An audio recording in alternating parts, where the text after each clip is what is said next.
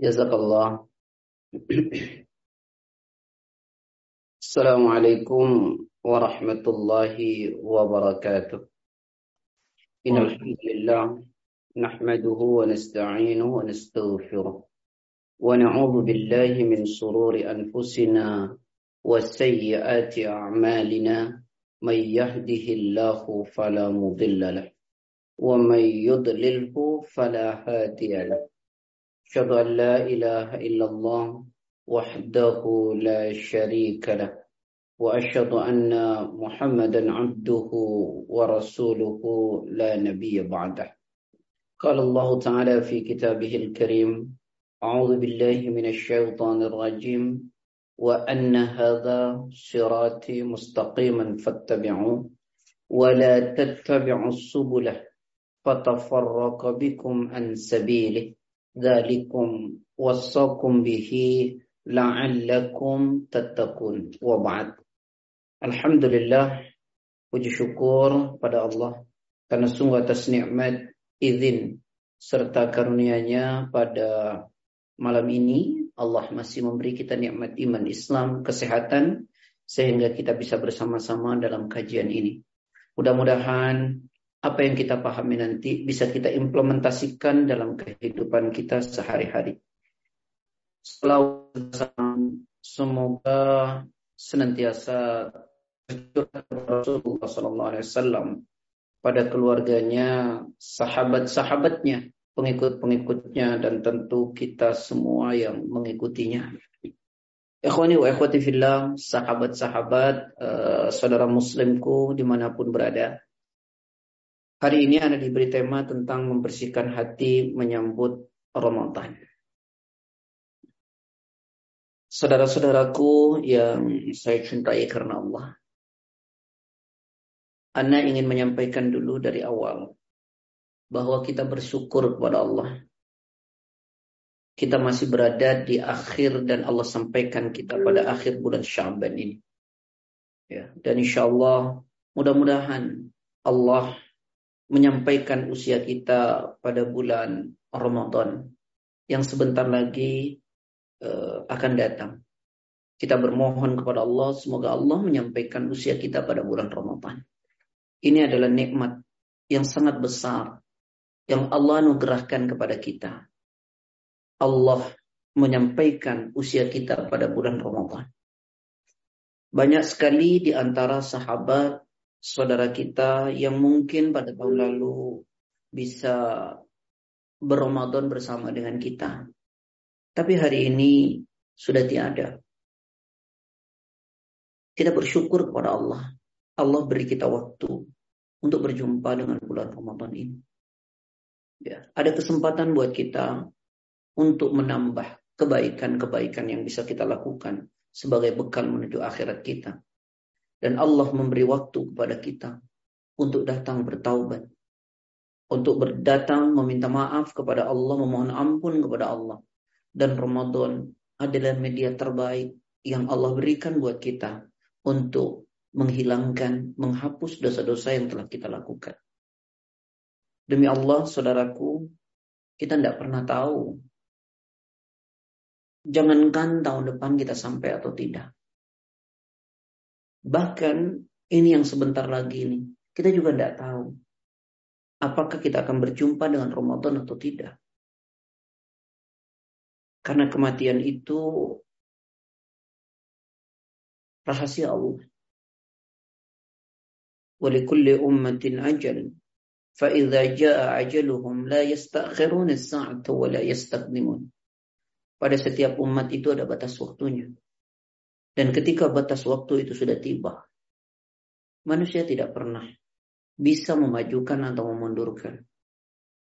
Karena itu, kita gunakanlah momentum, kesempatan yang Allah berikan buat kita. Dan teruslah menyesal dan merasa sedih ketika kita melakukan kesalahan dan kekeliruan di hadapan Allah. Baik kepada Allah maupun kepada sesama. Kepada Allah kita mohon ampun dan datang kepada Allah. Kepada sesama jangan pernah berhenti untuk meminta maaf atas keliru yang kita lakukan. Karena kerugian terbesar buat kita adalah di akhirat kelak. Sahabat-sahabat sekalian yang dimuliakan oleh Allah. Karena itu jangan pernah ya kesempatan yang Allah berikan ini kita sia-siakan. Rasulullah pernah menyampaikan ni'matani maghbunun katsirun minan nas. Ada dua nikmat di mana kebanyakan manusia itu lalai dengan dua nikmat yang Allah anugerahkan ini. Apa itu? as-sihha wal farah. Kesehatan yang Allah berikan dan kesempatan waktu yang Allah telah siapkan buat kita. Kalau sakit baru kita sadar. Kita akan berkata, kalau saya sehat, saya akan lakukan kebaikan ini sebaik-baiknya. Saya akan kerjakan kebaikan itu sebaik-baiknya. Saat kita sehat, eh, saat kita sakit, baru kesadaran itu muncul. Ya, ni'matani maghbunun ma katsirun minan nas. Kesadaran itu muncul saat kita berada dalam sakit itu. Lalu kita berkata, kalau nanti saya sehat, saya lakukan ini, saya akan lakukan ini, saya akan maksimal, saya akan begini, begini. Tapi coba, saat sehat Allah berikan. Kita tidak mampu menggunakannya dengan baik. Yang kedua adalah kesempatan waktu.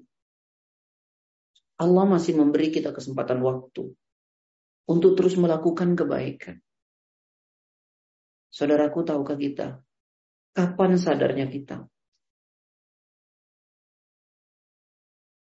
akan waktu yang Allah berikan ini? Saya sering mengatakan, hidup ini mimpi. Hidup ini mimpi. Sadar itu baru muncul nanti saat kita mati. Baru kita tahu betapa waktu yang Allah berikan begitu sangat berharga untuk kita gunakan. Tapi kita tidak maksimal menggunakannya. Padahal kita tidak pernah tahu. Apakah tahun depan kita masih berjumpa dengan Ramadan atau tidak? Wallahi kita tidak pernah tahu. Maka kesempatan yang Allah berikan ini, ayo kita gunakan sebaik-baiknya. Karena itu Allah ingatkan kita pada Al-Quran surah 31 Luqman ayat 34 di ujung ayat. وَمَا تَدْرِي نَفْسٌ مَاذَا تَكْسِبُ غَدًا wa ma tadri nafsun bi ayyi ardin tamut. Monggo. Um, surat Luqman ayat 34 yang artinya ini saya bacakan dari awal ya Ustaz. Sesungguhnya hanya di sisi Allah ilmu tentang hari kiamat dan Dia yang menurunkan hujan dan mengetahui apa yang ada dalam rahim. Dan tidak ada seorang pun yang dapat mengetahui dengan pasti apa yang akan dikerjakannya besok dan tidak ada seorang pun yang dapat mengetahui di bumi di, di bumi mana dia akan mati sungguh Allah Maha mengetahui Maha mengenal ini ya ikhwah bahwa tidak seorang pun yang tahu dengan pasti apa yang akan dikerjakannya besok. Jangankan bulan depan, tahun depan, esok pun kita tidak pernah tahu. Karena itu, ayo gunakan kesempatan yang Allah berikan ini. Dan tidak seorang pun yang tahu dengan pasti di bumi mana dia akan meninggal. Kita juga tidak mengerti Kapan kita meninggal, di mana kita meninggal, apa yang akan kita lakukan besok, kita tidak tahu. Lalu bagaimana mungkin kita mau menyia-nyiakan kesempatan waktu yang telah Allah anugerahkan kepada kita? Kerugian yang sangat besar. Memang hari ini kita tidak sadar kalau kita rugi. Baru kita akan sadar saat kematian itu datang. Rasulullah SAW ingatkan kita agar kita mampu memaksimalisasi waktu kesempatan yang Allah beri. Ini ada dalam kitab Riyadus Salihin. Hadis nomor 574. Sanadnya dari Ibnu Umar. An Ibnu Umar radhiyallahu anhu qala Kana Rasulullah sallallahu alaihi wasallam akhadha bimankibi wa yaqul كن في الدنيا كأنك غريب أو عابر سبيل وكان ابن عمر يقول إذا أمسيت فلا تنتظر الصباح وإذا أصبحت فلا تنتظر المساء. خذ من صحتك لمرادك ومن حياتك لموتك kata Ibnu Umar? Satu waktu Rasulullah memegang pundakku. Lalu Rasulullah berkata, Jadilah engkau hidup di dunia ini seperti orang asing. Hidup ini singkat. Hidup ini sementara. Yang panjang akhirat. Lalu bagaimana dalam hidup ini? Kita tidak mau menggunakan waktu yang singkat dan sempit yang Allah berikan ini. Padahal singkat dan sempit waktu yang Allah berikan ini. Sangat menentukan untuk perjalanan panjang kita di akhirat. Masa kita mau disibukkan dengan sesuatu yang tidak urgent, yang tidak penting. Kita hanya mau mengeluh dengan keadaan-keadaan.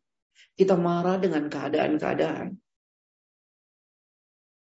Padahal ada sesuatu yang mesti kita kejar. Akhirat. Atau engkau hidup ini seperti orang yang sedang menyeberang jalan. Hidup ini tempat singgah. Nanti tujuan kita di akhirat. Rasulullah pernah mengatakan, apalah artinya dunia untukku? Seperti aku berteduh di bawah pohon yang rindang.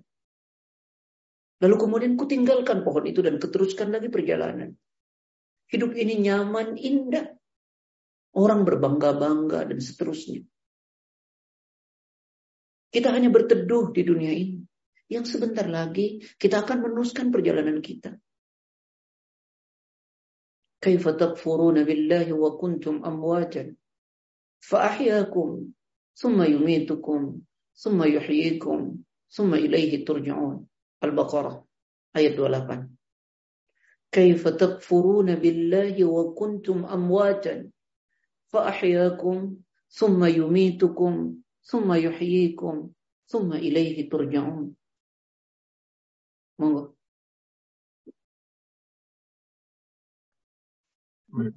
Surat Al-Baqarah ayat 28 yang artinya bagaimana kamu ingkar kepada Allah padahal kamu tadinya mati lalu dia menghidupkan kamu kemudian dia mematikan kamu lalu dia menghidupkan kamu kembali kemudian kepadanya kepadanyalah kamu dikembalikan Bagaimana kita ingkar kepada Allah?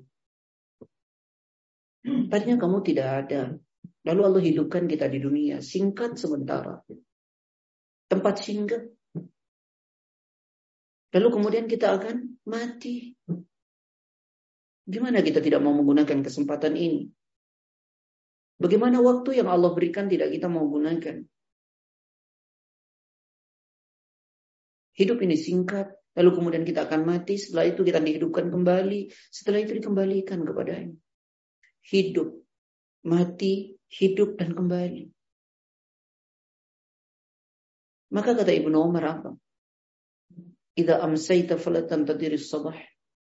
Kalau engkau ada di sore hari, jangan pernah tunggu untuk berbuat baik sampai pagi, jangan.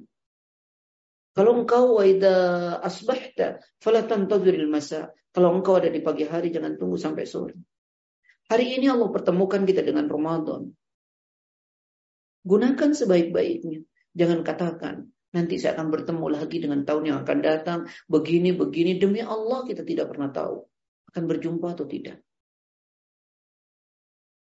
Karena itu Ibnu Umar juga mengatakan. Khudh min sihhatika limaradik. Gunakan kesempatan sehat yang Allah berikan kepada kita untuk masa sakit kita. Karena ketika kita sakit, kita tidak maksimal melakukan kebaikan. Kebaikan itu bisa maksimal kita lakukan saat kita berada dalam sehat. Maka gunakan kesempatan ini sebaik-baiknya. Allah beri kita kesempatan sehat, bertemu dengan bulan Ramadan. Ayo kita gunakan seluruh perangkat-perangkat di bulan Ramadan itu. Bukan hanya puasanya.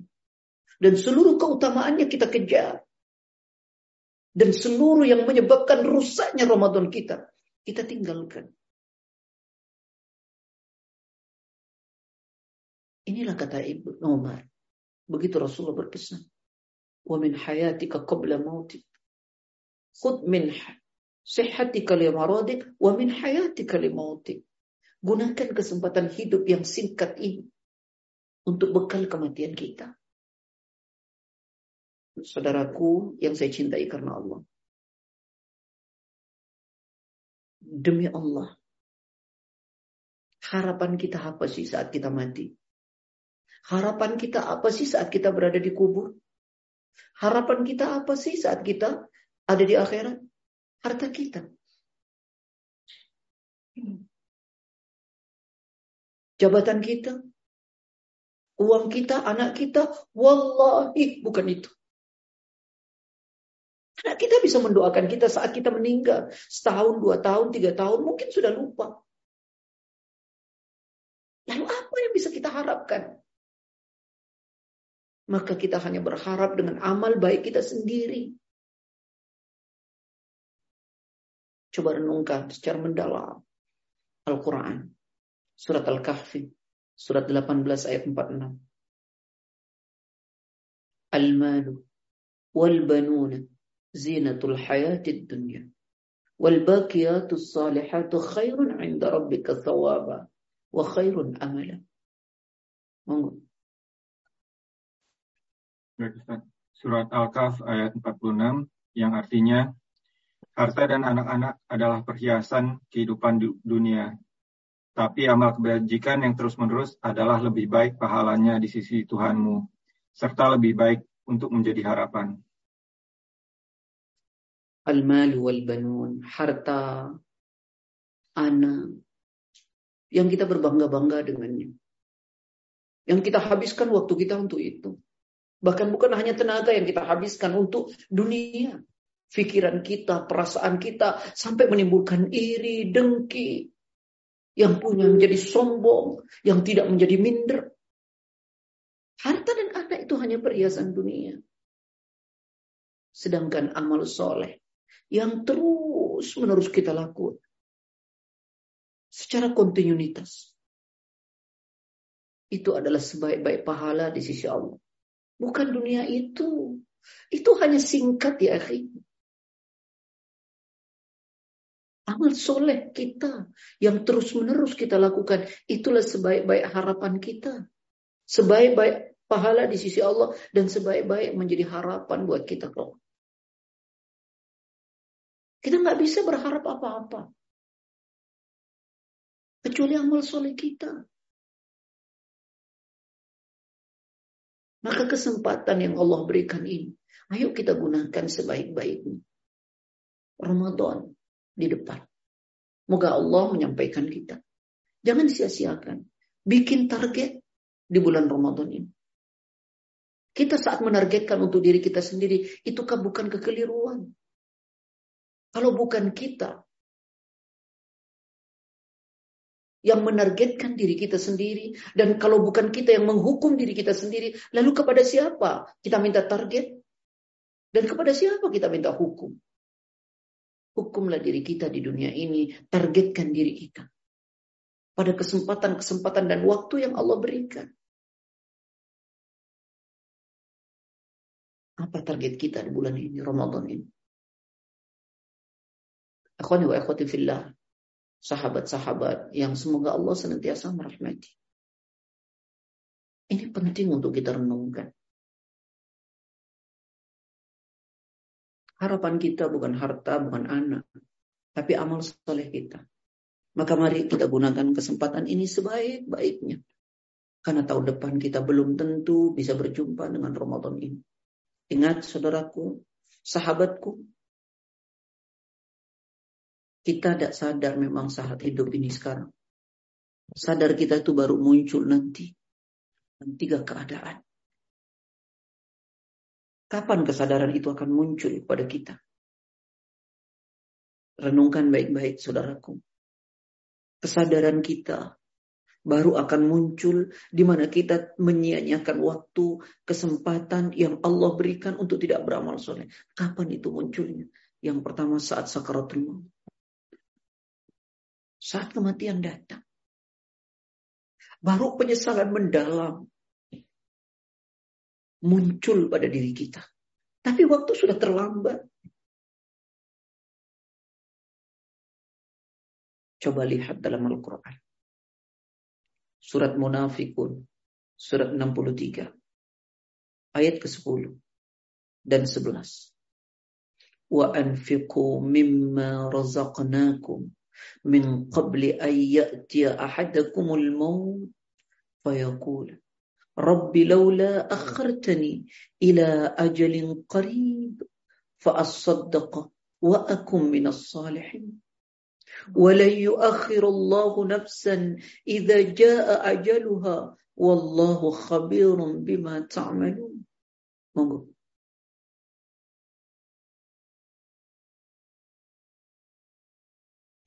Baik Ustaz, uh, surat Al-Munafikun ayat 10 dan 11 yang artinya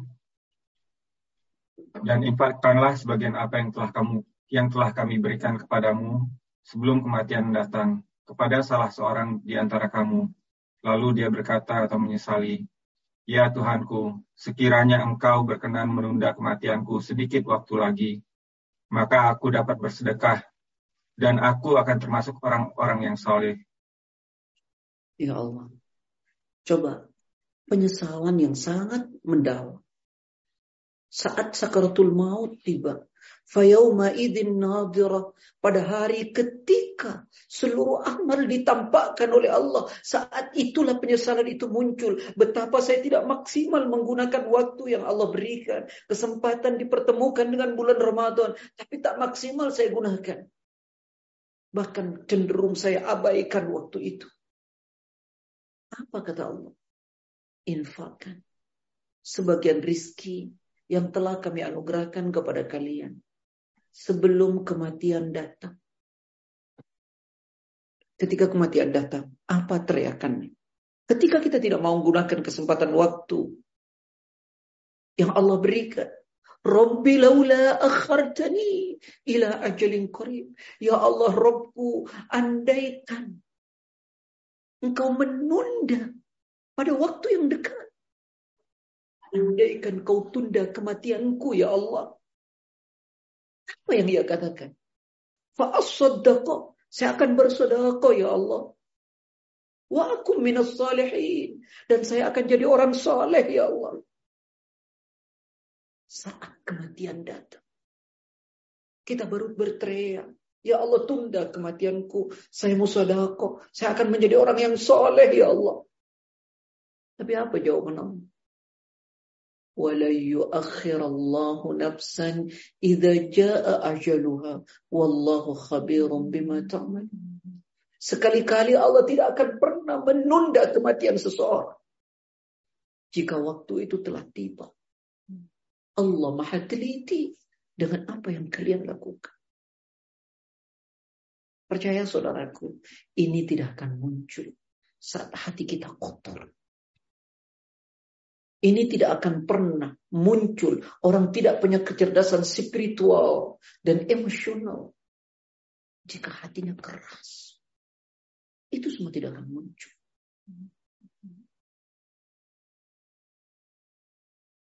Ini kesadaran pertama. Saat sakaratul maut muncul. Baru kemudian kita sadar betapa kita tidak maksimal menggunakan kesempatan yang Allah berikan. Betapa hidup itu ternyata begitu berharga dan sangat menentukan untuk perjalanan panjang kita kelak di akhir. Saat itu dipertontonkan oleh Allah. Tentu kalau kita ditanya, kita tidak ingin menyesal. Dalam keadaan seperti ini, kalau kita ditanya, kita tidak mau menyesal nanti saat kematian datang di mana kita tidak punya bekal. Di mana kita tidak maksimal menggunakan kesempatan dan waktu yang telah Allah siapkan buat kita. Hidup ini asik. Hidup ini menyenangkan. Jika kita larut dengan asiknya kehidupan ini, yang menyenangkan ini, maka hancurlah kita.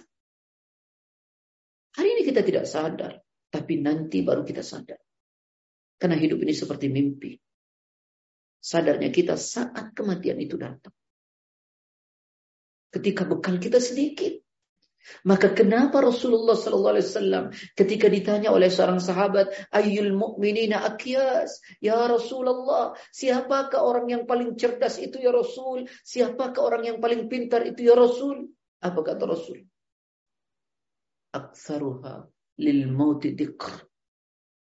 Wa ahsanu aktsaruhum lil mauti dzikran wa ahsanuhum lima ba'dahu isti'dadan adalah mereka orang yang paling banyak mengingat kematian.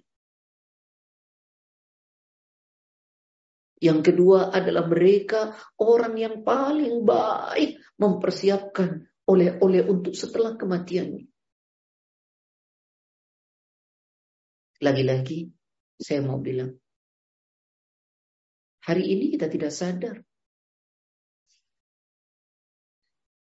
Kesadaran itu muncul saat kelak kematian datang.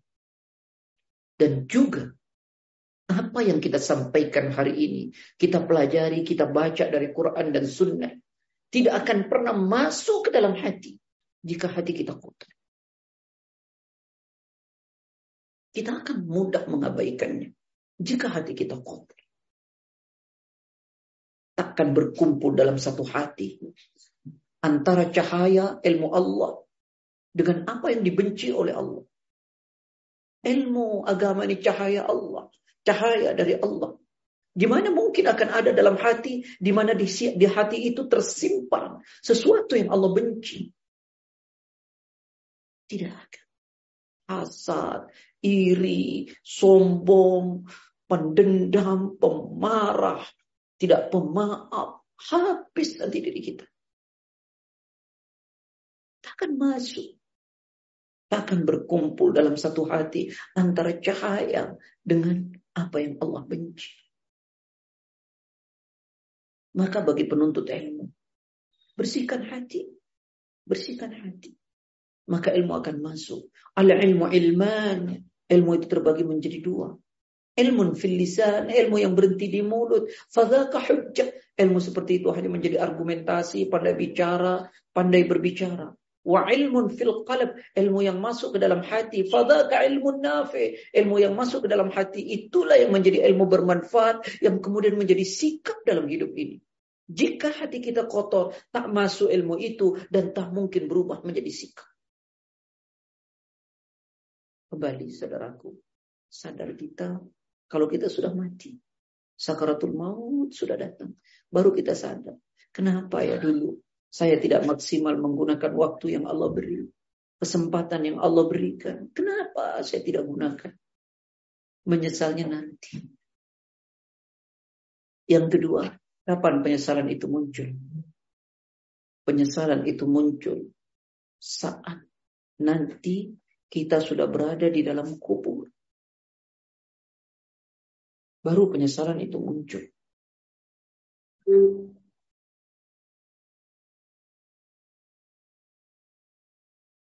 nanti dikubur. Datang seorang dengan wajah yang begitu bagus. Wanginya luar biasa. Pakaiannya indah sekali.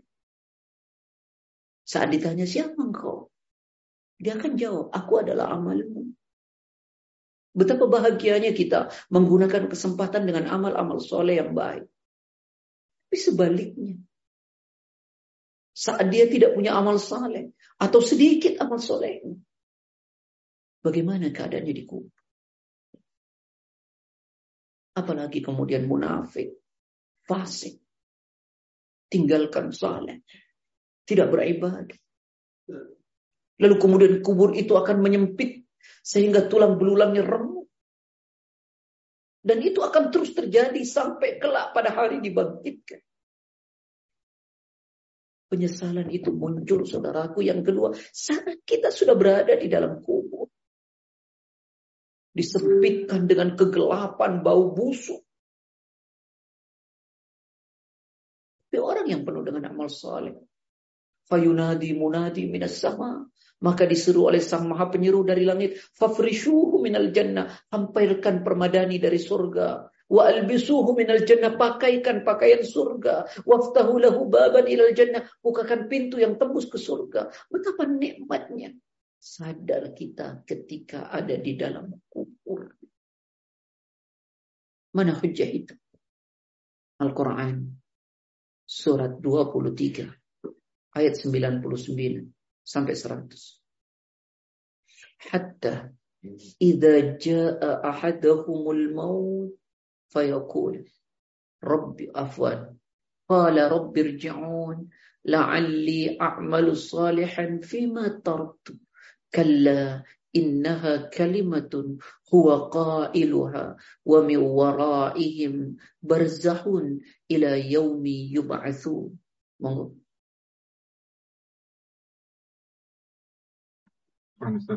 surat Al-Mu'minun ayat 99 sampai 100 yang artinya demikianlah keadaan orang-orang kafir itu. Hingga apabila datang kematian kepada seorang uh, dari mereka dia berkata ya Tuhanku kembalikanlah aku ke dunia kemudian 100-nya agar aku dapat berbuat kebajikan yang telah aku tinggalkan. Sekali-kali tidak sesungguhnya itu adalah dalih yang diucapkannya saja. Dan di hadapan mereka ada barzah sampai pada hari mereka dibangkitkan. Coba kita renungkan. Sampai ketika kematian datang kepada salah seorang di antara mereka. Apa teriakannya? Irji'un. Kembalikan lagi aku ke dunia. Ini penyesalan. Lalu dia bilang apa? La'alli a'malu salihan fima taraktu. Andai kau kembalikan aku ke dunia, maka saya akan beramal soleh. Yang dulu pada kesempatan hidup saya tinggalkan. Saya lalai dengan kehidupan dunia. Saya asik dengan dunia. Saya tidak gunakan kesempatan waktu yang Allah berikan. Saya abaikan kesempatan itu. Baru ketika kematian kita sadar. Mereka berteriak, irji'un kembalikan aku ke dunia. La'alli a'malu salihan. Maka saya akan beramal soleh. Fima yang dulu saya tinggalkan. Apa jawaban Allah? Kalla sekali-kali tidak. Innaha kalimatun huwa qailuha. Itu hanya teriakan yang mereka lontarkan. Wa min waraihim barzahun ila yaumi yub'atsun. Mereka dikelilingi oleh barzah. Tidak bisa. Baru kemudian nyesal. Ingat saudaraku, Ingat, kata Rasulullah. Innal qabr awwalu manzilin min manazilil akhir. Fa inna jamin fama ba'dahu aisar. Wa illam yanju fama ba'dahu ashar. وما رأيت منظرا قد أفضل من القبر Kata Nabi, sesungguhnya kubur itu adalah persinggahan pertama dari banyaknya persinggahan kelak di akhir. Jika engkau berhasil dari siksa kubur, maka setelahnya jauh lebih ringan. Tapi jika engkau tidak berhasil dari siksa kubur, maka setelahnya jauh lebih mengerikan. Dan saya mendengar Rasul bersabda, kata sahabat, tak ada pemandangan yang lebih mengerikan, melebihi pemandangan kubur. Baru kemudian kita sadar. Di mana? Di alam kubur. Rumah kesunyian. Rumah tanah. Rumah belatu. Baru kemudian sadar. Teriak. Minta dikembalikan ke dunia. Allah beri waktu buat kita berjumpa dengan bulan mulia.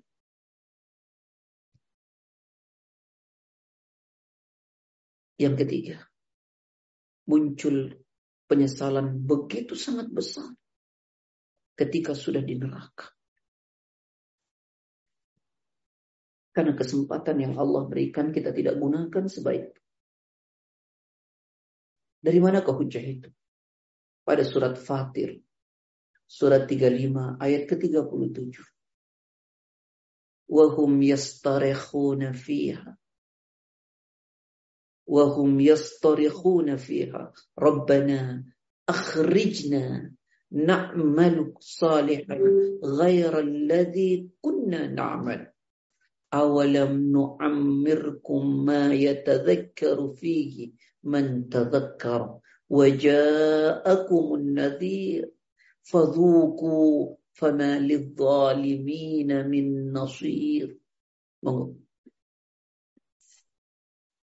Baik, Ustaz. Uh, ini surat Fatir ayat 37 yang artinya dan mereka berteriak di dalam neraka itu, Ya Tuhan kami, keluarkanlah kami dari neraka. Niscaya kami akan mengerjakan kebajikan yang berlainan dengan apa yang telah kami kerjakan dahulu. Lalu dikatakan kepada mereka, Bukankah kami telah memanjangkan umurmu untuk dapat berpikir bagi orang yang mau berpikir? Padahal telah datang kepadamu seorang pemberi peringatan, maka rasakanlah azab kami. Dan bagi orang-orang zalim, tidak ada seorang penolong pun. Coba direnungkan. Wahum dan mereka. Yastarikhuna fiha. Yastarikhuna mereka berteriak. Fiha di mana? Di dalam neraka. Kenapa berteriak? Tak sanggup dia dengan siksanya api neraka. فإن لم تفعلوا ولن تفعلوا فاتقوا النار التي وقودها الناس والحجار وعدت للكافرين Jika kamu tak mampu dan pasti kamu tidak akan mampu, maka takutlah dengan api neraka yang bahan bakarnya manusia dan batu yang disiapkan untuk orang-orang yang ingkar. Serendahnya siksa itu saat kau pijak api itu lalu kemudian mendidih otak kita. Maka mereka berteriak, wahum yastarikhuna fiha. Mereka berteriak di dalam neraka. Karena tak ada bekal yang bisa dia bawa, penuh dengan kemaksiatan. Diumbar auratnya ke mana-mana. Tak melakukan kebaikan. Kewajiban-kewajibannya kepada Allah dia tanggalkan. Wahum yastarikhuna fiha. Mereka berteriak di dalam neraka. Sungguh. Apa yang dia teriakkan? Rabbana ya Allah Rabb kami. Akhrijna. Keluarkan kami ya Allah dari neraka ini. Tak sanggup dia. Lalu dia berkata, Na'mal salihan. Maka kami akan beramal saleh ya Allah. Ghairal ladhi kunna na'mal. Berlainan dengan apa yang saya lakukan dahulu di dunia ketika sudah di neraka baru sadar betapa pentingnya amal soleh dan kesempatan yang Allah berikan ini. Wahum yastarikhuna fiha. Mereka berteriak di dalam neraka. Rabbana akhrijna ya Allah Rabb kami. Keluarkan kami dari neraka ini. Na'mal salihan. Saya akan beramal saleh ya Allah. Ghairul ladhi kunna na'mal berlainan dengan apa yang telah kami lakukan dahulu. Apa jawaban Allah? Awalam nu'ammirkum.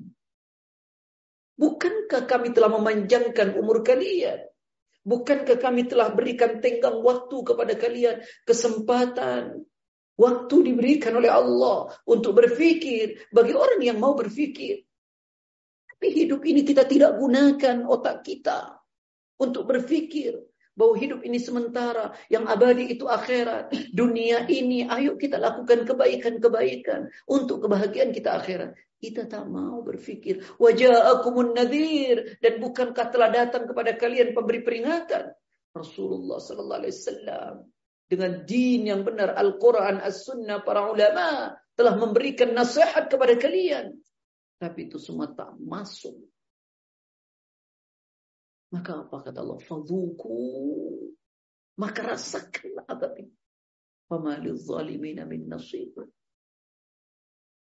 Maka bagi orang dolong, dolim tak ada penolong. Itukah yang kita inginkan?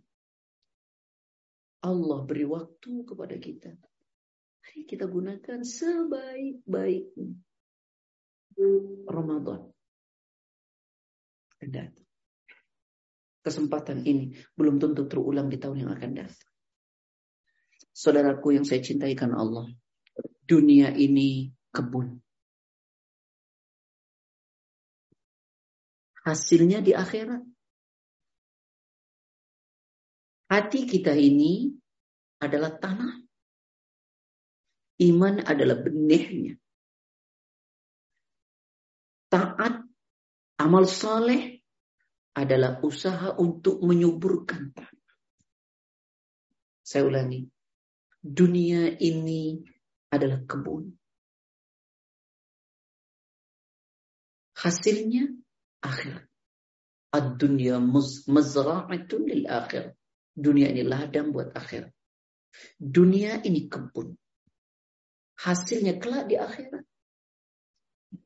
Hati ini adalah bumi atau tanah. Iman itu benih yang akan kita tanam pada hati itu. Ketaatan dan amal saleh adalah usaha untuk menyuburkan tanah tersebut. Inilah kaitannya amal saleh dengan kebersihan hati. Lalu saya diberi tema. Kaitannya kebersihan hati dengan Ramadan. Ikhwani wa ikhwati fillah. Satu hal saya ingin katakan. Rasulullah ya memberi syarat ibadah itu mau diterima adalah karena tujuannya benar. Niatnya benar. Niat tidak akan pernah benar kalau hati kita kotor. Kalau hati kita rusak, tidak akan pernah benar. Niat yang lurus. Innamal a'malu bin niyati wa innama likulli nawa. Sesungguhnya setiap perbuatan digantungkan kepada niatnya. Dan seseorang mendapatkan sesuatu karena apa yang ia niatkan. Ana pernah bercerita dalam satu hadis dikatakan Aisyah ya yang menuturkan Yaghzu Jaishun al-Ka'bah. Yaghzu Jaishun al-Ka'bah. Ada satu pasukan besar yang datang ke kota Mekah untuk menghancurkan Ka'bah. Fa'idha bibaida'a minal arab ketika mereka berada di tanah yang lapang. Yukhsafu bi awalihim wa akhirihim. Lalu dibenamkan oleh Allah seluruhnya. Yukhsaf. Yukhsafu. Dibenamkan oleh Allah. Dari ujung depan sampai ujung belakang. Bi awalihim wa akhirihim. Dibenamkan dari ujung depan sampai ujung belakang. Aisyah bertanya kepada Rasulullah. Kaifa yukhsafu bi awalihim wa akhirihim. Ya Rasulullah. Bagaimana seluruhnya dibenamkan dari ujung depan sampai ujung belakang. Wa fihim aswaquhum wa man. Padahal tidak semua orang yang ada di situ adalah bagian dari mereka yang ingin menghancurkan Ka'bah. Ada yang mereka berdagang dan ada yang sekedar ada di situ bukan bagian dari mereka.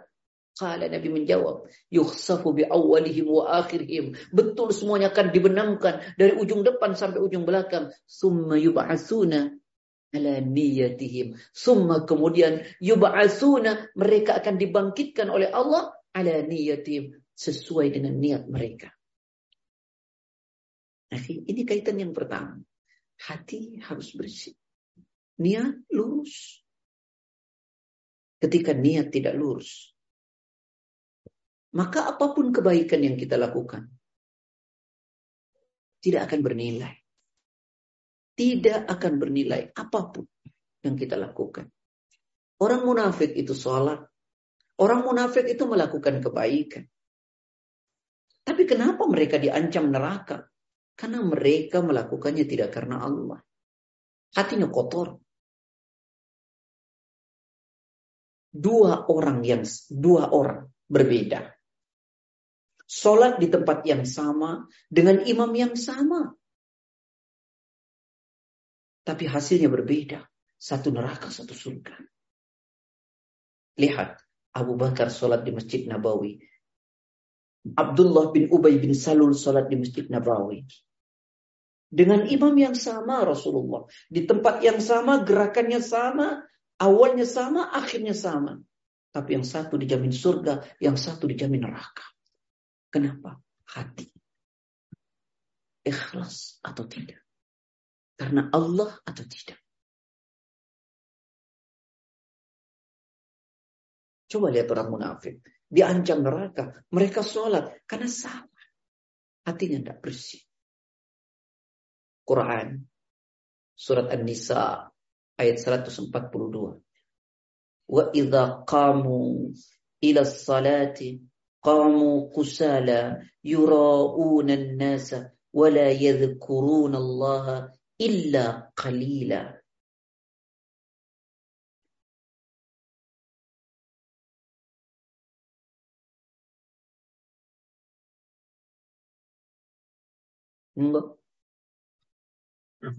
eh, Surat An-Nisa ayat 142 yang artinya sesungguhnya orang munafik itu hendak menipu Allah tetapi Allah lah yang menipu mereka.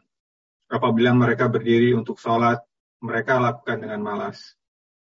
Mereka bermaksud ria, ingin dipuji di hadapan manusia.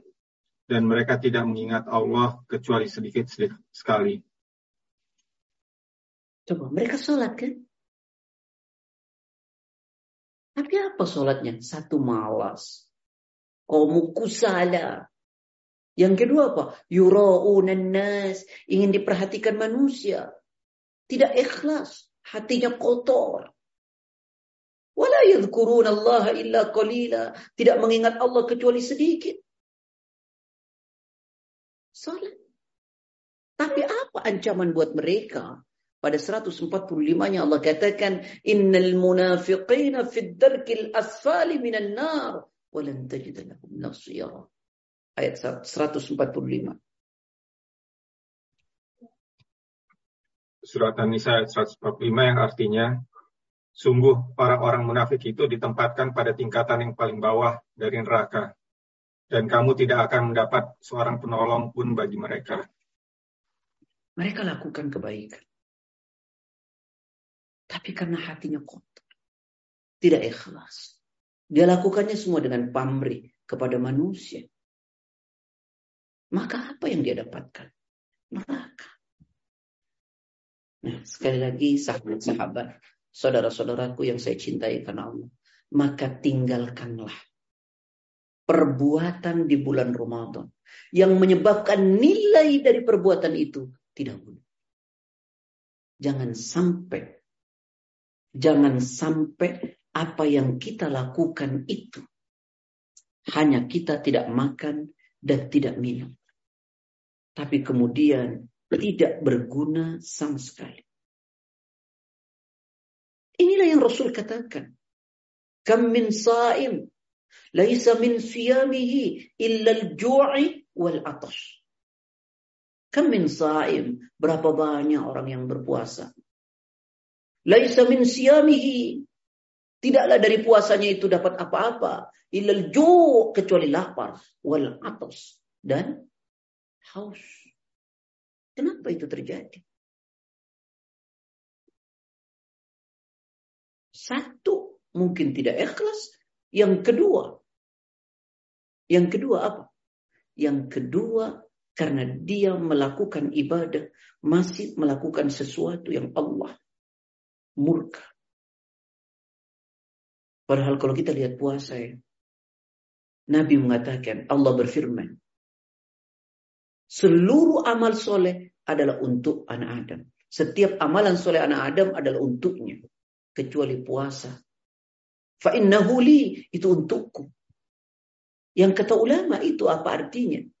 bahwa salah satu ibadah yang seharusnya ikhlas itu adalah puasa. Karena secara dohir dia tidak nampak. Berbeda orang sholat, dia sholat, dia kelihatan. Orang baca Quran, dia terlihat. Orang sodako, dia terlihat. Orang puasa tidak terlihat kalau dia puasa. Kecuali dia ucapkan dengan lisan. Kecuali dia ucapkan dengan lisannya. Tidak nampak dia. Tapi masih melakukan puasa tidak karena Allah. Tidak ikhlas. Tidak karena Allah. Ada orang yang berpuasa, tidak enak sama keluarganya. Ya gitu ya Pak. Ada tak Pak? Ya Allah istrinya puasa, anaknya puasa, masa saya tidak puasa katanya. Masya Allah. Nah itu. Nah teman-teman sekalian yang dirahmati oleh Allah.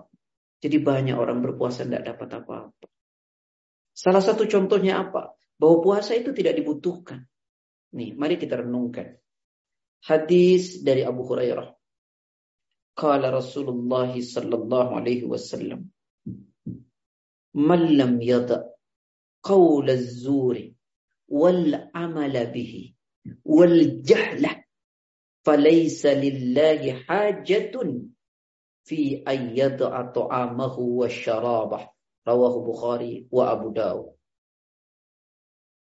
Siapa orang tidak meninggalkan perkataan dusta.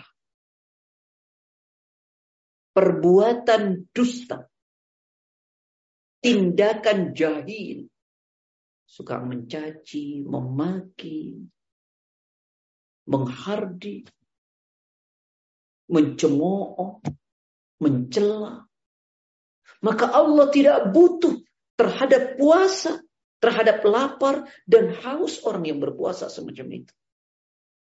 Man lam yada qawl az-zuri wal 'amala bih wal jahla falaysa lillahi hajatun fi ayyad'a ta'amahu wa syarabah. Siapa orang tidak tinggalkan dusta, perbuatan dusta, tindakan bodoh, mencaci, mencela, menghina, merendahkan, maka Allah tidak butuh terhadap lapar dan haus orang yang berpuasa semacam itu. Bayangkan, saudara-saudaraku yang dicintai karena Allah. Ya, ini penting untuk dipahami. Nah, karena itu, yuk kita kesempatan ini kita gunakan untuk apa? untuk beramal soleh dengan baik, lalu luruskan amal soleh dengan niat yang benar, hati yang lurus, lalu kemudian tinggalkan perkara-perkara yang dibenci oleh Allah, lalu kemudian yang ketiga, lakukan ibadahnya sesuai dengan apa yang diperintahkan oleh Rasulullah Sallallahu Alaihi Wasallam. Nah, masuk sedikit ya. Kata Rasul, Tadi saya katakan, yuk gunakan kesempatan waktu yang Allah berikan sebaik-baiknya karena waktu belum tentu berulang. Yang kedua, yuk lakukan ini, puasa ini dengan hati yang bersih, yang tulus, niat karena Allah. Sehingga akan bernilai dan bermakna. Tinggalkan apa yang menjadikan nilai dari puasa itu menjadi hilang. Bukan hanya yang membatalkan puasa yang kita tinggalkan, tapi tinggalkan yang menghancurkan nilai-nilai daripada puasa itu. Kita tahu kan nilai dari puasa? Satu, bahwa puasa itu adalah jalan menuju ketakwaan. Yang Rasulullah Sallallahu Alaihi Wasallam menyampaikan apa kata Rasul? Eh, firman Allah dalam Al-Quran, Ya ayyuhalladzina amanu kutiba alaikumusiyam, kama kutiba ala alladzina min qablikum la'allakum tattaqun. Quran Al-Baqarah 183. Monggo.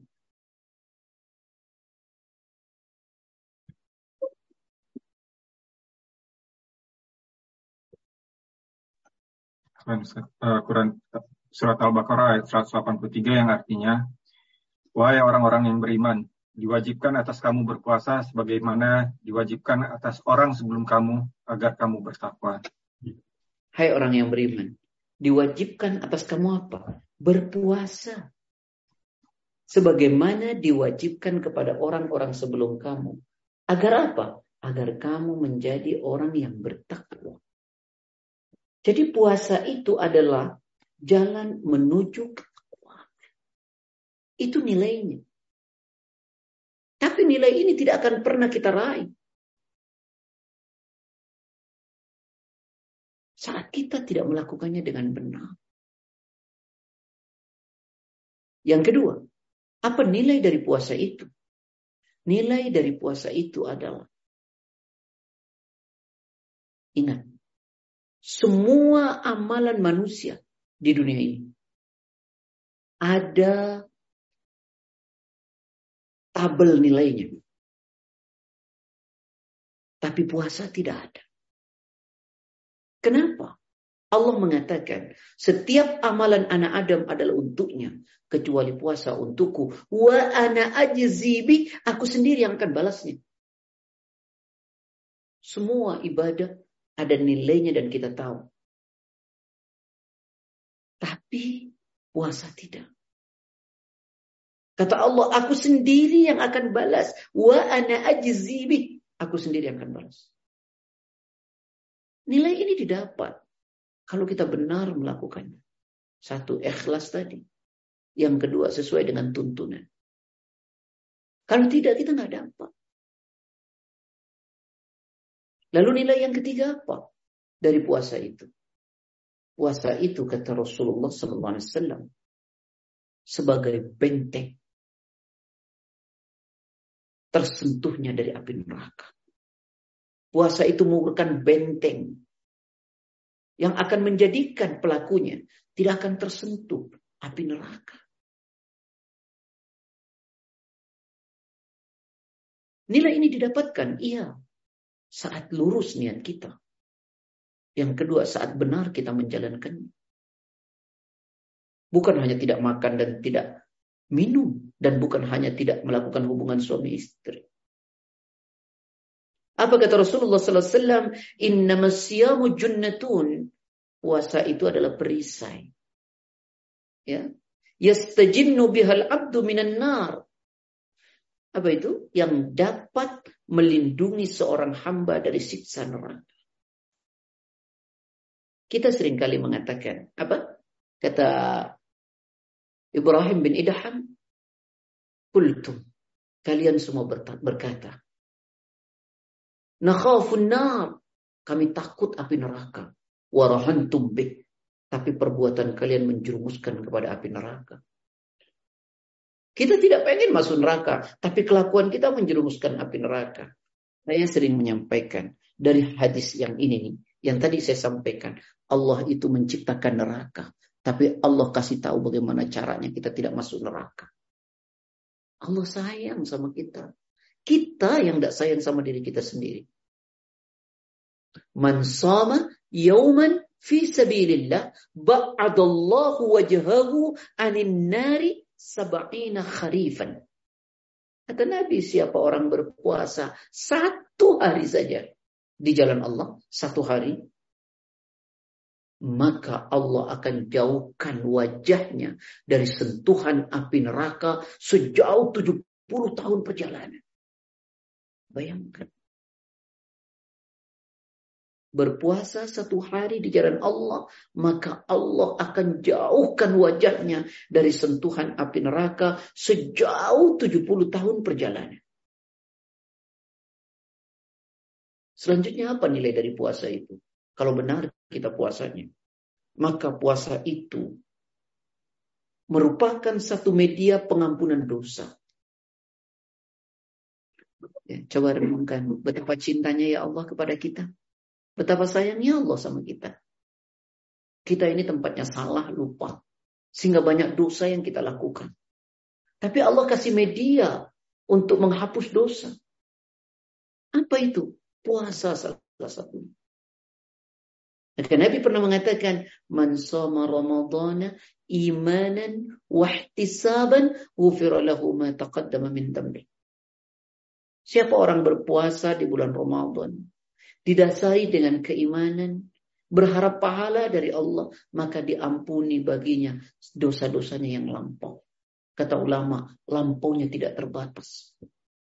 Kalau puasa sunnah saja Arafah, saat sahabat bertanya kepada Nabi, suilan Nabi an saumi yaumi Arafah, Nabi ditanya tentang puasa Arafah, Kata Nabi, yukaffiru sana al-madi wal baqiyah. Puasa Arafah sehari mampu menghapus dosa tahun lalu dan tahun yang akan datang. Itu satu hari puasa sunnah. Dua tahun dosanya diampuni. Bagaimana dengan puasa wajib Ramadan? Maka kata Nabi, lahu ma taqaddama min dambi. Maka diampuni seluruh dosa-dosanya yang lampau. Tak terbatas. Tapi coba renungkan. Ketika kita tidak mau menggunakan media ini. Media Ramadan ini. Tidak mau kita menggunakan kesempatan ini sebagai bentuk cinta dan sayang Allah kepada kita, Allah ciptakan satu bulan yang sangat luar biasa ini, kita tidak gunakan. Termasuk doa malaikat Jibril yang jelek yang diaminkan oleh Rasulullah. Apa itu?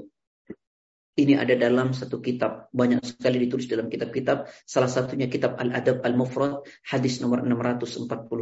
Ana Nabi sallallahu alaihi wasallam raqi al-mimbar. Satu waktu naik Nabi naik ke atas mimbar.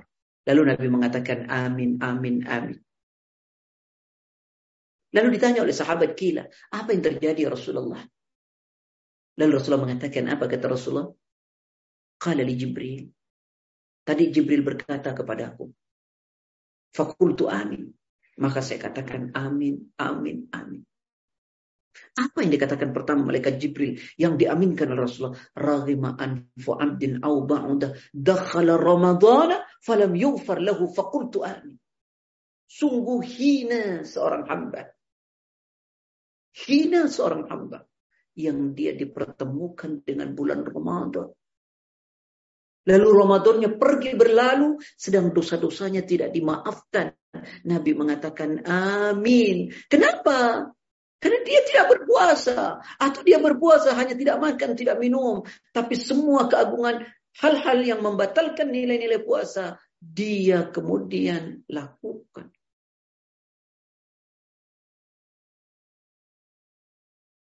Ini. Puasa berlalu, sedang dosa-dosanya tidak dimaafkan. Maka celaka. Celaka. Apalagi Ramadan digunakan untuk melakukan perkara maksiat, dosa. Na'udzubillah.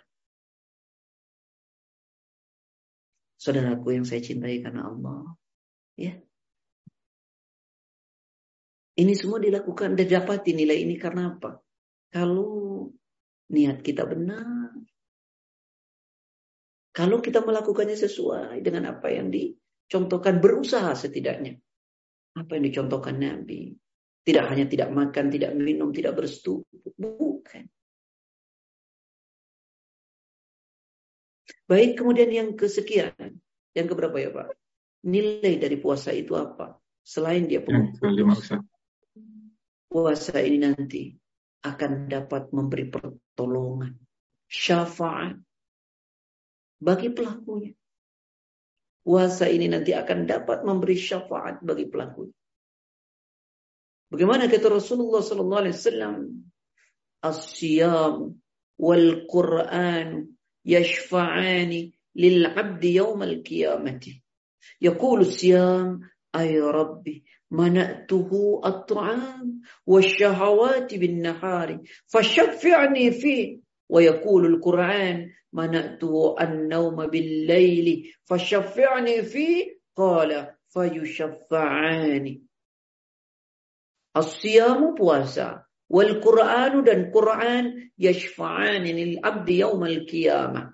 Akan dapat memberi syafaat bagi seorang hamba yang melakukannya kelak di hari kiamat. Quran, puasa akan memberi syafaat bagi yang melakukannya kelak di hari kiamat. Antum tahu, kiamat. Tidak ada yang bisa menolong. Tidak ada pemberi syafaat kecuali Nabi. Quran dan puasa juga datang nanti. Memberi kesaksian kepada Allah. Apa katanya? Yaqulu syam. Berkata nanti puasa itu kepada Allah. Ay Rabbi, ya Allah Rabbku. Mana'tuhu at-ta'ama wa syahawat. Ya Allah, aku dulu telah larang orang ini makan di siang hari. Ya, wasyahawat dan menyalurkan syahwatnya bin nahari di siang hari. Fasyafi'ni fi, maka perkenankan aku ya Allah untuk memberi pertolongan syafaat kepada hamba ini. Begitu kesaksian puasa. Ay Rabbi, mana'tuhu at-ta'ama wasyahawati bin nahari fasyafi'ni fi. Ya Allah Rabb, Dulu aku larang orang ini makan ya Allah. Dulu aku larang orang ini menyalurkan syahwatnya di siang hari ya Allah. Maka perkenankan aku untuk memberi syafaat kepadanya. Wa yakulul Quran dan Quran juga nanti berkata, "Mana'tuhu an-naum bil-lail ya Allah Rabbku." Dulu aku telah cegah orang ini tidur malam untuk membacaku ya Allah. Fasyafi'ani fi. Maka perkenankan aku untuk memberi pertolongan syafaat. Kalau Nabi mengatakan, fayusyafa'ani. Maka syafaat keduanya, pertolongan keduanya diperkenankan oleh Allah subhanahu wa ta'ala. Sampai kepada nilai itu, iya jika, mohon maaf ya, niat kita benar, hati kita bersih. Lalu kemudian apa lagi? Kita melakukannya berusaha usaha sebaik mungkin mencontoh Nabi, meninggalkan yang menjadi pembatal dari nilai puasa, bukan hanya pembatal puasa. Kemudian apa lagi? Insya Allah ya. Apalagi puasa itu uh, uh, apa namanya? Allah menyiapkan pintu khusus bagi orang yang berpuasa nanti di surga. Insya Allah ya. Jadi seperti undangan khusus dari Allah di surganya bagi orang yang melakukan puasa. Apa itu kata Rasulullah? Inna fil jannati baban yuqalu lahu ar-rayyan. Sesungguhnya di surga itu ada satu pintu yang disebut ar-rayyan. Yadkhulu minhu shaimuna yaumal qiyamah. Masuk dari pintu ar-rayyan itu orang-orang yang berpuasa nanti di hari kiamat. La yadkhulu minhu ahadun Tak seorang pun bisa masuk dari pintu itu. Ghairuhum selain mereka orang yang rajin berpuasa. Yuqalu nanti dikatakan aina saimun. Dikatakan oleh Allah aina saimun. Mana orang-orang yang rajin puasa itu? Fayakumuna. Lalu mereka semua berdiri. Tapi tidak bisa bohong ya para lania. Kan kalau di Indonesia suruh diri, ya diri aja lah. Gitu kan? Nanti ditanya enggak. Al-yawma nakhtimu ala afwahihim wa tukallimuna aydihim wa tashhadu arjuluhum bima kanu yaksibun. Mulut terkunci, tangan bicara, kaki jadi saksi. La yadkhulu minhu ahadun ghairuhum. Tidak akan masuk dari pintu itu selain mereka. Fa idza dakhalu ketika mereka sudah masuk semua ughlaq maka dikunci lagi pintu ar-rayyan itu. Falam yadkhul minhu ahadun sampai tak ada seorang pun yang bisa masuk lagi dari pintu itu. Dalam hadis yang lain, fil jannati thamaniyatu abwab. Nanti di surga itu ada delapan pintu. Fiha babun yusamma ar-rayyan. Di dalamnya ada satu pintu yang disebut ar-rayyan. La yadkhuluhu. Tidak akan pernah bisa masuk dari pintu itu. Illa saimuna kecuali orang-orang yang rajin berpuasa. Baik. Selanjutnya, apa yang akan didapati dari puasa itu? Ini penting juga untuk kita paham. Orang yang berpuasa itu memiliki waktu-waktu mustajabah. Memiliki waktu mustajab. Entah puasa sunnah atau puasa wajib. Yang Orang tidak puasa tidak miliki ini. Apa itu? Salasatun la turaddu da'watuhum. Ya. Tiga orang yang doanya tidak tertolak. Siapa itu? As-saimu hatta yuftirah. Yaitu orang yang berpuasa sampai dia berbuka. Seluruh waktunya dijabah oleh Allah. As-saim, orang yang berpuasa, hatta yuftira, sampai dia berbuka sampai dia berbuka. Waktunya semua terijabah. Yang kedua, wal imamul adil, pemimpin yang adil. Yang ketiga, wada'watul madlum, doa orang yang terdolimi. Ikhwani wa ikhwati fillah yang dirahmati oleh Allah Subhanahu wa taala. Dan banyak lagi tentunya. Salah satunya adalah bahwa puasa itu pengekang syahwat. Pengekang syahwat. Ya ma'syaras sabab. Wahai para pemuda. Man istata'a minkum alba'ada falyatazawwaj. Jika engkau sudah mampu ya di antara kalian untuk menikah maka menikahlah. Fa innahu aghaddu lil basar karena sesungguhnya menikah itu lebih menundukkan pandangan ya wa ahsanu lil farj dan lebih menjaga kemaluan wa man lam yastati jika engkau belum mampu fa alaihi bisawm maka hendaklah kalian banyak berpuasa fa inna lahu wija karena sesungguhnya puasa itu obat pengekang bagi baik teman-teman sekalian. Ini sekelumitnya uh, apa yang saya sampaikan. Semoga Allah meridai kita semua. Ya, semoga Allah meridai kita semua. Uh, sudah satu jam seperempat lebih. Mudah-mudahan manfaat ya Pak. Nah, kalau ada pertanyaan monggo. Jazakallah. Um, Ya, ini mungkin uh, kita langsung masuk ke sesi tanya jawab ya Ustaz ya. Udah ada beberapa pertanyaan yang masuk, mungkin saya bisa share screen.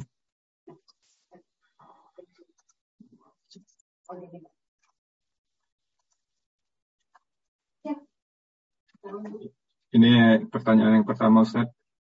Assalamualaikum Ustaz. Waalaikumsalam warahmatullahi wabarakatuh. Saya takut sekali jadi orang munafik dan dan bergaul dengan orang munafik. Tapi uh, munafik itu di hati. Jadi bagaimana taunya dan menghindari mereka ya Ustaz? Ikhwani wa ikhwati fillah yang dirahmati oleh Allah Subhanahu wa taala. Al-mar'u ala dini khalili. Falyandur ahadukum may yukhalil. Orang itu dilihat dari agama temannya. Maka perhatikanlah dengan siapa dia berteman. Saya senang sekali mendengar pertanyaan ini. Ya. Kenapa? Artinya ya, artinya ibu ya, dan kita semua berusaha sekuat tenaga untuk ya, menjadi orang baik. Karena menjadi orang baik itu sangat ditentukan juga salah satu teman kita. Tayyib ibu, munafik itu ada dua. Ada munafik yang etikodi, yang keyakinannya dia sudah munafik. Ada munafik amali, yang kemunafikannya itu amalnya. Kita berusaha dari keduanya ini. Kita tidak dekat. Ya, jangan mendekati keduanya ini. Ya. Karena dia bisa mempengaruhi diri kita. Tetapi kan kita tidak pernah tahu. Karena itu disembunyikan. Maka berbaik sangkalah. Nah untuk menjaga diri kita. Ibu. Tak ada jalan lain. Kita minta kepada Allah. Ya Allah dekatkan teman yang baik ya Allah. Jauhkan teman yang membawa pengaruh buruk buat saya. Yang kedua, lakukan sholat dengan benar. Karena dengan sendirinya Allah memproteksi diri kita. Bukankah Rasul pernah mengatakan, La tatrukanna as-salat al-maktuba muta'ammidan. Jangan pernah kau tinggalkan sholat wajib dengan sengaja. Wa man tarakaha muta'ammidan bari'at min timmah. Siapa meninggalkan sholat wajib dengan sengaja, maka Allah berlepas diri darinya. Selama kita masih sholat dengan baik, insya Allah akan dijaga oleh Allah. Tapi sholat kita tidak baik, Allah tidak akan jaga. Ini memproteksi diri kita. Yaitu sholat. Jadi yang pertama berdoalah kepada Allah. Yang kedua perbaiki sholat kita. Maka dengan sholat itu Allah akan menjaga diri kita. Allah akan menjaga diri kita. Insya Allah. Akan terhindar dari teman yang tidak baik. Dan perbuatan yang tidak baik. Dengan sholat yang benar. Ya. Maka berusaha kita terus berada di lingkungan yang baik. Ya, karena orang munafik biasanya dia akan sangat tidak nyaman berada di lingkungan yang baik. Allahu a'lam. Semoga Allah merahmati ibu dan kita semua. Baik, Ustaz. Untuk pertanyaan berikutnya. Assalamualaikum warahmatullahi wabarakatuh. Pak Ustaz. Mengenai bacaan Al-Quran selama bulan Ramadan, saat ini saya baru sampai surat Ali Imran. Apakah nanti di hari pertama Ramadan surat Ali Imrannya ditinggalkan kemudian start pulang lagi dari surat Al-Fatihah? Waalaikumsalam Masya Allah. Ya. Bapak Ibu yang dirahmati oleh Allah. Saat kita sampai nanti bulan Ramadan, Bapak Ibu sudah membacanya sekarang, baik surat Ali Imran, Al-Baqarah, An-Nisa, teruskan. Teruskan, jangan diulang kembali. Teruskan. Ya. Ibu hatam nanti. Lalu kemudian mulangi lagi dari awal. Teruskan. Tidak usah. Kemudian dimulai lagi dari Al-Fatihah. Ibu sekarang sampai Al Imran. Nanti bulan puasa An-Nisa. Teruskan terus. Terus ya. Insya Allah. Jangan diulang lagi. Jangan diulang lagi. Teruskan. Orang yang membaca Quran itu nilainya luar biasa. Satu huruf dia baca sepuluh kebaikan. Kalau hatam berapa huruf? Tapi akhir-akhir ini banyak orang meninggalkan Al-Qurannya. Ini yang dikhawatirkan oleh Nabi. Pada surat Al-Furqan 2530 wa qala Rasul ya Rabbi inna qaumi ittakhadhu hadzal Qur'ana mahjura. Berdoa Rasul ya Allah Rabbku sungguh kaumku telah menjadikan Al-Qur'an sesuatu yang tidak diperdulikan. Tidak diperdulikan. Padahal bahasa lisan dan hati kita dengan tilawah Al-Quran. Dengan tilawah Al-Quran. Dengan zikir. Zikir terbaik itu adalah membaca Al-Quran. Orang mukmin yang baca Quran itu seperti buah utruja, baunya wangi, baunya wangi, rasanya enak. Orang mukmin yang tidak suka baca Quran seperti tamar kurma, manis dia tapi tidak ada wanginya, manis tapi tidak ada wanginya. Semoga Allah menjadikan kita orang-orang yang mencintai Al-Quran, yang selalu akrab dengan Al-Quran, dekat dengan Al-Quran. Baik, Allah alam. Baik Ustaz. Um, ini mungkin sebelum pertanyaan yang masuk berikutnya, izin saya bertanya juga nih Ustadz. Betul.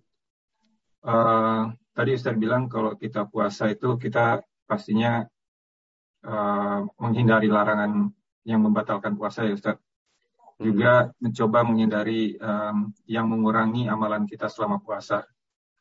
Nah, ini kalau kita sambil bekerja ini biasanya lebih banyak godaannya nih Ustaz. Misalnya masih ada kegiatan uh, di di luar ibadah uh, yang ke masjid atau membaca Quran. Ini biasanya keseimbangannya bagaimana nih Ustaz yang dicontohkan dulu di zaman Rasul? Masya Allah. Bapak yang dirahmati oleh Allah subhanahu wa ta'ala. Bukankah Rasul pernah mengatakan, Inna idhamal jaza ma'a idhamil bala. Ya, besarnya pahala yang kau raih berbanding lurus dengan cobaan yang kau terima. Ya kan? Jadi makin besar cobaannya, makin besar pahalanya saat kita sanggup. Bukankah perkara-perkara besar dulu terjadi pada bulan Ramadan? Iya kan? Perang Badar terjadi pada bulan Ramadan, tahun kedua Hijrah. Ya tahun kedua hijrah. Fathu Mekah, pembukaan kota Mekah, berangkat dari Madinah menuju Mekah. Terjadi juga pada bulan Ramadan. Iya kan? Penaklukan kota Mekah bersama 10 ribu orang. Itu terjadi pada bulan Ramadan. Jadi ternyata di bulan Ramadan itu kalau ada orang bermalas-malasan, itu adalah keanehan. Karena banyak peristiwa yang sangat besar yang bukan kalau kita cuma bekerja ya Pak ya. Naik mobilnya juga AC. Nanti di ruangannya juga AC. Ya Allah berangkat dari kota Madinah ke Mekah. Panas terik. Disebut Ramadan itu karena kalau kaki menapak itu melepuh. Karena arti Ramadan itu panas yang terik. Bayangkan berjalan dari kota Mekah. Dari Madinah ke Mekah tiga pekan. Terjadi pada bulan Ramadan. Lalu kemudian perang badar. Perang. Terjadi pada bulan Ramadan dan banyak peristiwa-peristiwa yang terjadi bulan Ramadan. Jadi bukan alasan untuk meraih ya sesuatu yang terbaik ya di bulan Ramadan karena kita bekerja. Tidak ada alasan, tidak ada alasan. Makin banyak cobaannya, makin besar pahalanya. Iya kan? Dan di bulan Ramadan ini kalau kita banyak cerita, Pak, Masya Allah. Putri Nabi Fatimah, ya, putri Nabi, meninggal pada tanggal 3 Ramadan.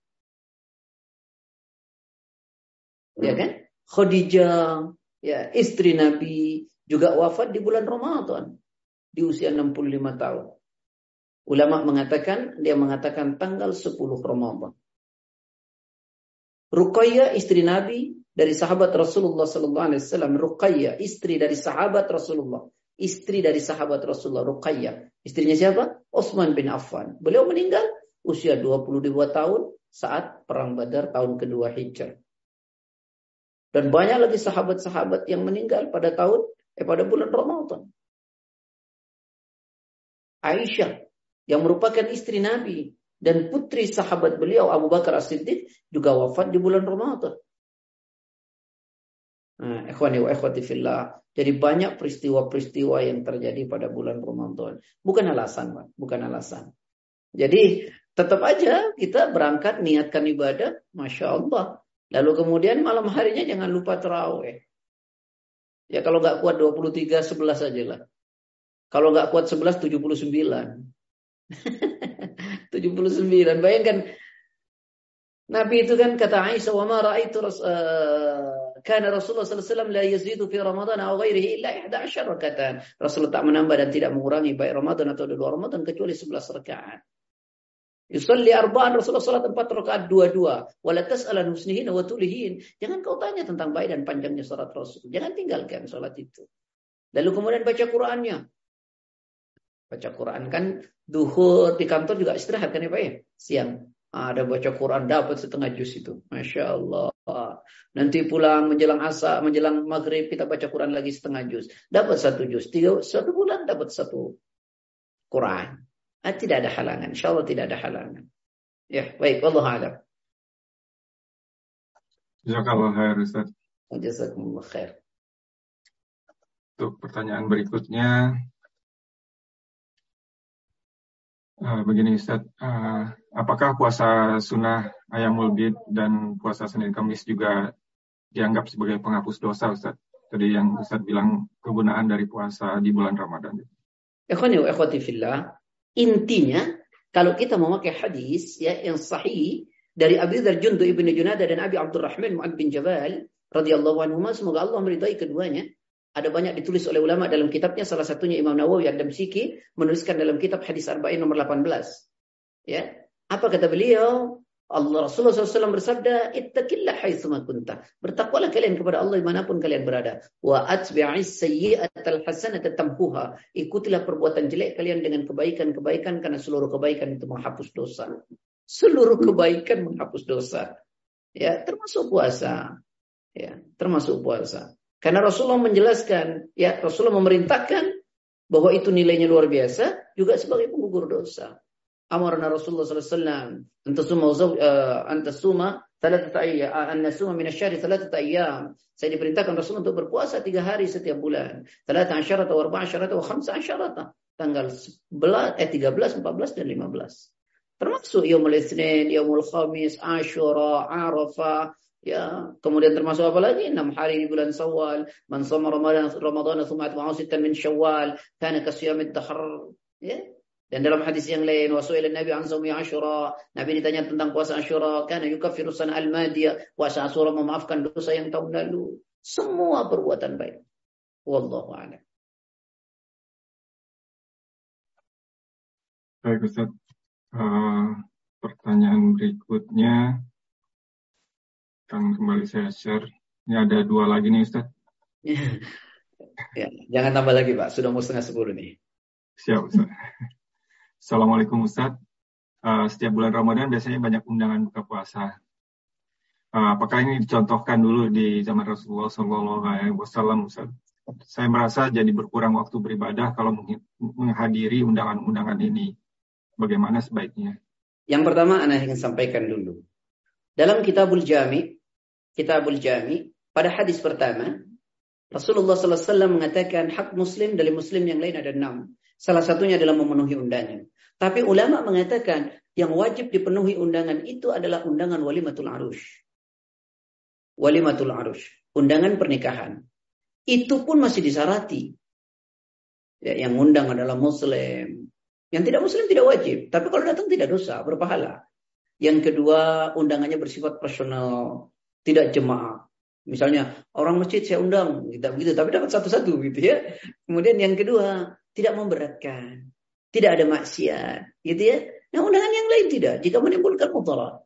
Ya. Nah, yang jadi masalah adalah kalau kita undangan e, berbuka, nah satu pastikan kalau mau datang Sholatnya tetap di masjid bagi yang laki-laki. Ah, berat kan itu kan? ya. Sholatnya tetap di masjid bagi yang laki-laki. Dan tidak menunda sholat maghrib. Ini berbuka jamaah. Lalu kemudian sholat maghribnya malah jam 7. Bagaimana ceritanya? Apa yang dikejar? Kalau mudarat jangan. Ya. Gitu. Dan yang baik itu adalah kita datang memberi buka. Kita datang memberi buka. Memberi buka terbaik itu ada di masjid karena orang datang ke masjid. Ya, bukan orang suruh datang ke rumah kita. Kecuali rumah kita sampai masjid gitu ya. bukan orang suruh datang ke restoran. Nanti sholatnya susah dan macam-macam. Baik, begitu ya Bun? Mudah-mudahan bermanfaat nih. Wallahu a'lam. Baik Ustaz. Saya kalau boleh menambahkan pertanyaan itu, Ustaz, di sini kebetulan sekalian jadi syiar Islam ya Ustaz, sekalian buat menunjukkan ada acara-acara buka puasa di tempat-tempat umum di kota-kota besar di Inggris begitu Ustaz. Kalau kita datang ke acara-acara yang begitu itu bagaimana Ustaz? Mungkin Kira-kira. agak beda tempat ya, Khi. Kalau di kita ini kan masjid sudah banyak di Indonesia. Kalau antum juga masjid juga jauh kali dari antum kan? Maka diadakan tempat seperti itulah sholatnya berjemaah juga, maka jadi masalah. Kalau itu menjadi syiar. Ya, niatkan syiar ya, niatkan syiar. Ya, antum ingin dipuji orang sesama orang muslim aja nggak boleh, apalagi ingin dipuji orang kafir gitu ya. Hati-hati itu ya. niatkan syiar. Niatkan syiar. Kalau harus sudah seperti itu dan sholatnya berjemaah dan berusaha sholatnya tidak menjadi kemudian tertunda. Karena kalau di Indonesia itu biasanya kalau undangannya uh, di hotel atau di rumah makan, nanti sholatnya itu terbatas waktunya itu. Akhirnya menjadi tertunda. Ya, kalau antum niatnya syiar, lalu kemudian dilakukan sholatnya berjemaah dan kemudian tidak uh, menunda sholatnya, maka itu tidak jadi masalah. Ya, Allah a'lam. Baik Ustaz, Untuk pertanyaan terakhir nih Ustaz. Assalamualaikum Ustaz. Uh, saat ini saat ini saya sedang menghafal satu uh, surat dalam Al-Quran. Nanti bolehkah dalam bulan Ramadan saya lebih memilih untuk tidak tadarus tapi tetap menghafal? Ikhwani wa ikhwati fillah, menghafal Quran itu keniscayaan. Tentu bagus. Syahrul Ramadan alladzi unzila fihi al-Quran. Bulan Ramadan itu bulan diturunkan Quran, ya bulan diturunkan Quran. Ramadan itu adalah bulan Quran. Antum memilih mau menghafal, antum mau membaca, itu adalah pilihan antum. Tapi kalau tidak dipilih kan lebih baik. Antum tetap membaca seluruh Quran, itu kan cuma satu juz setiap hari. Misalnya dibagi waktu cuma lima waktu itu ya paling 10 menit. ya Kalau lima waktu, ya antum masih punya banyak kesempatan untuk juga menghafal. Kenapa dijadikan pilihan? Kenapa tidak dua-duanya bisa dilakukan? gitu ya. Kadang-kadang kita ini suka memilih sesuatu yang sebenarnya bisa kita lakukan kedua-duanya. Ya, menghafal untuk dapat satu Quran itu, eh membaca untuk dapat satu Quran, kalau lima kali lima waktu dalam sehari semalam, satu waktu cuma dua lembar. Dua lembar itu ada ke sepuluh menit ada kita baca. Ya kan? Setiap habis sholat. Itu masih tersimpan banyak waktu untuk menghafal. Jadi jangan dijadikan pilihan, dua-duanya dipilih. Ya, Allah alam ya.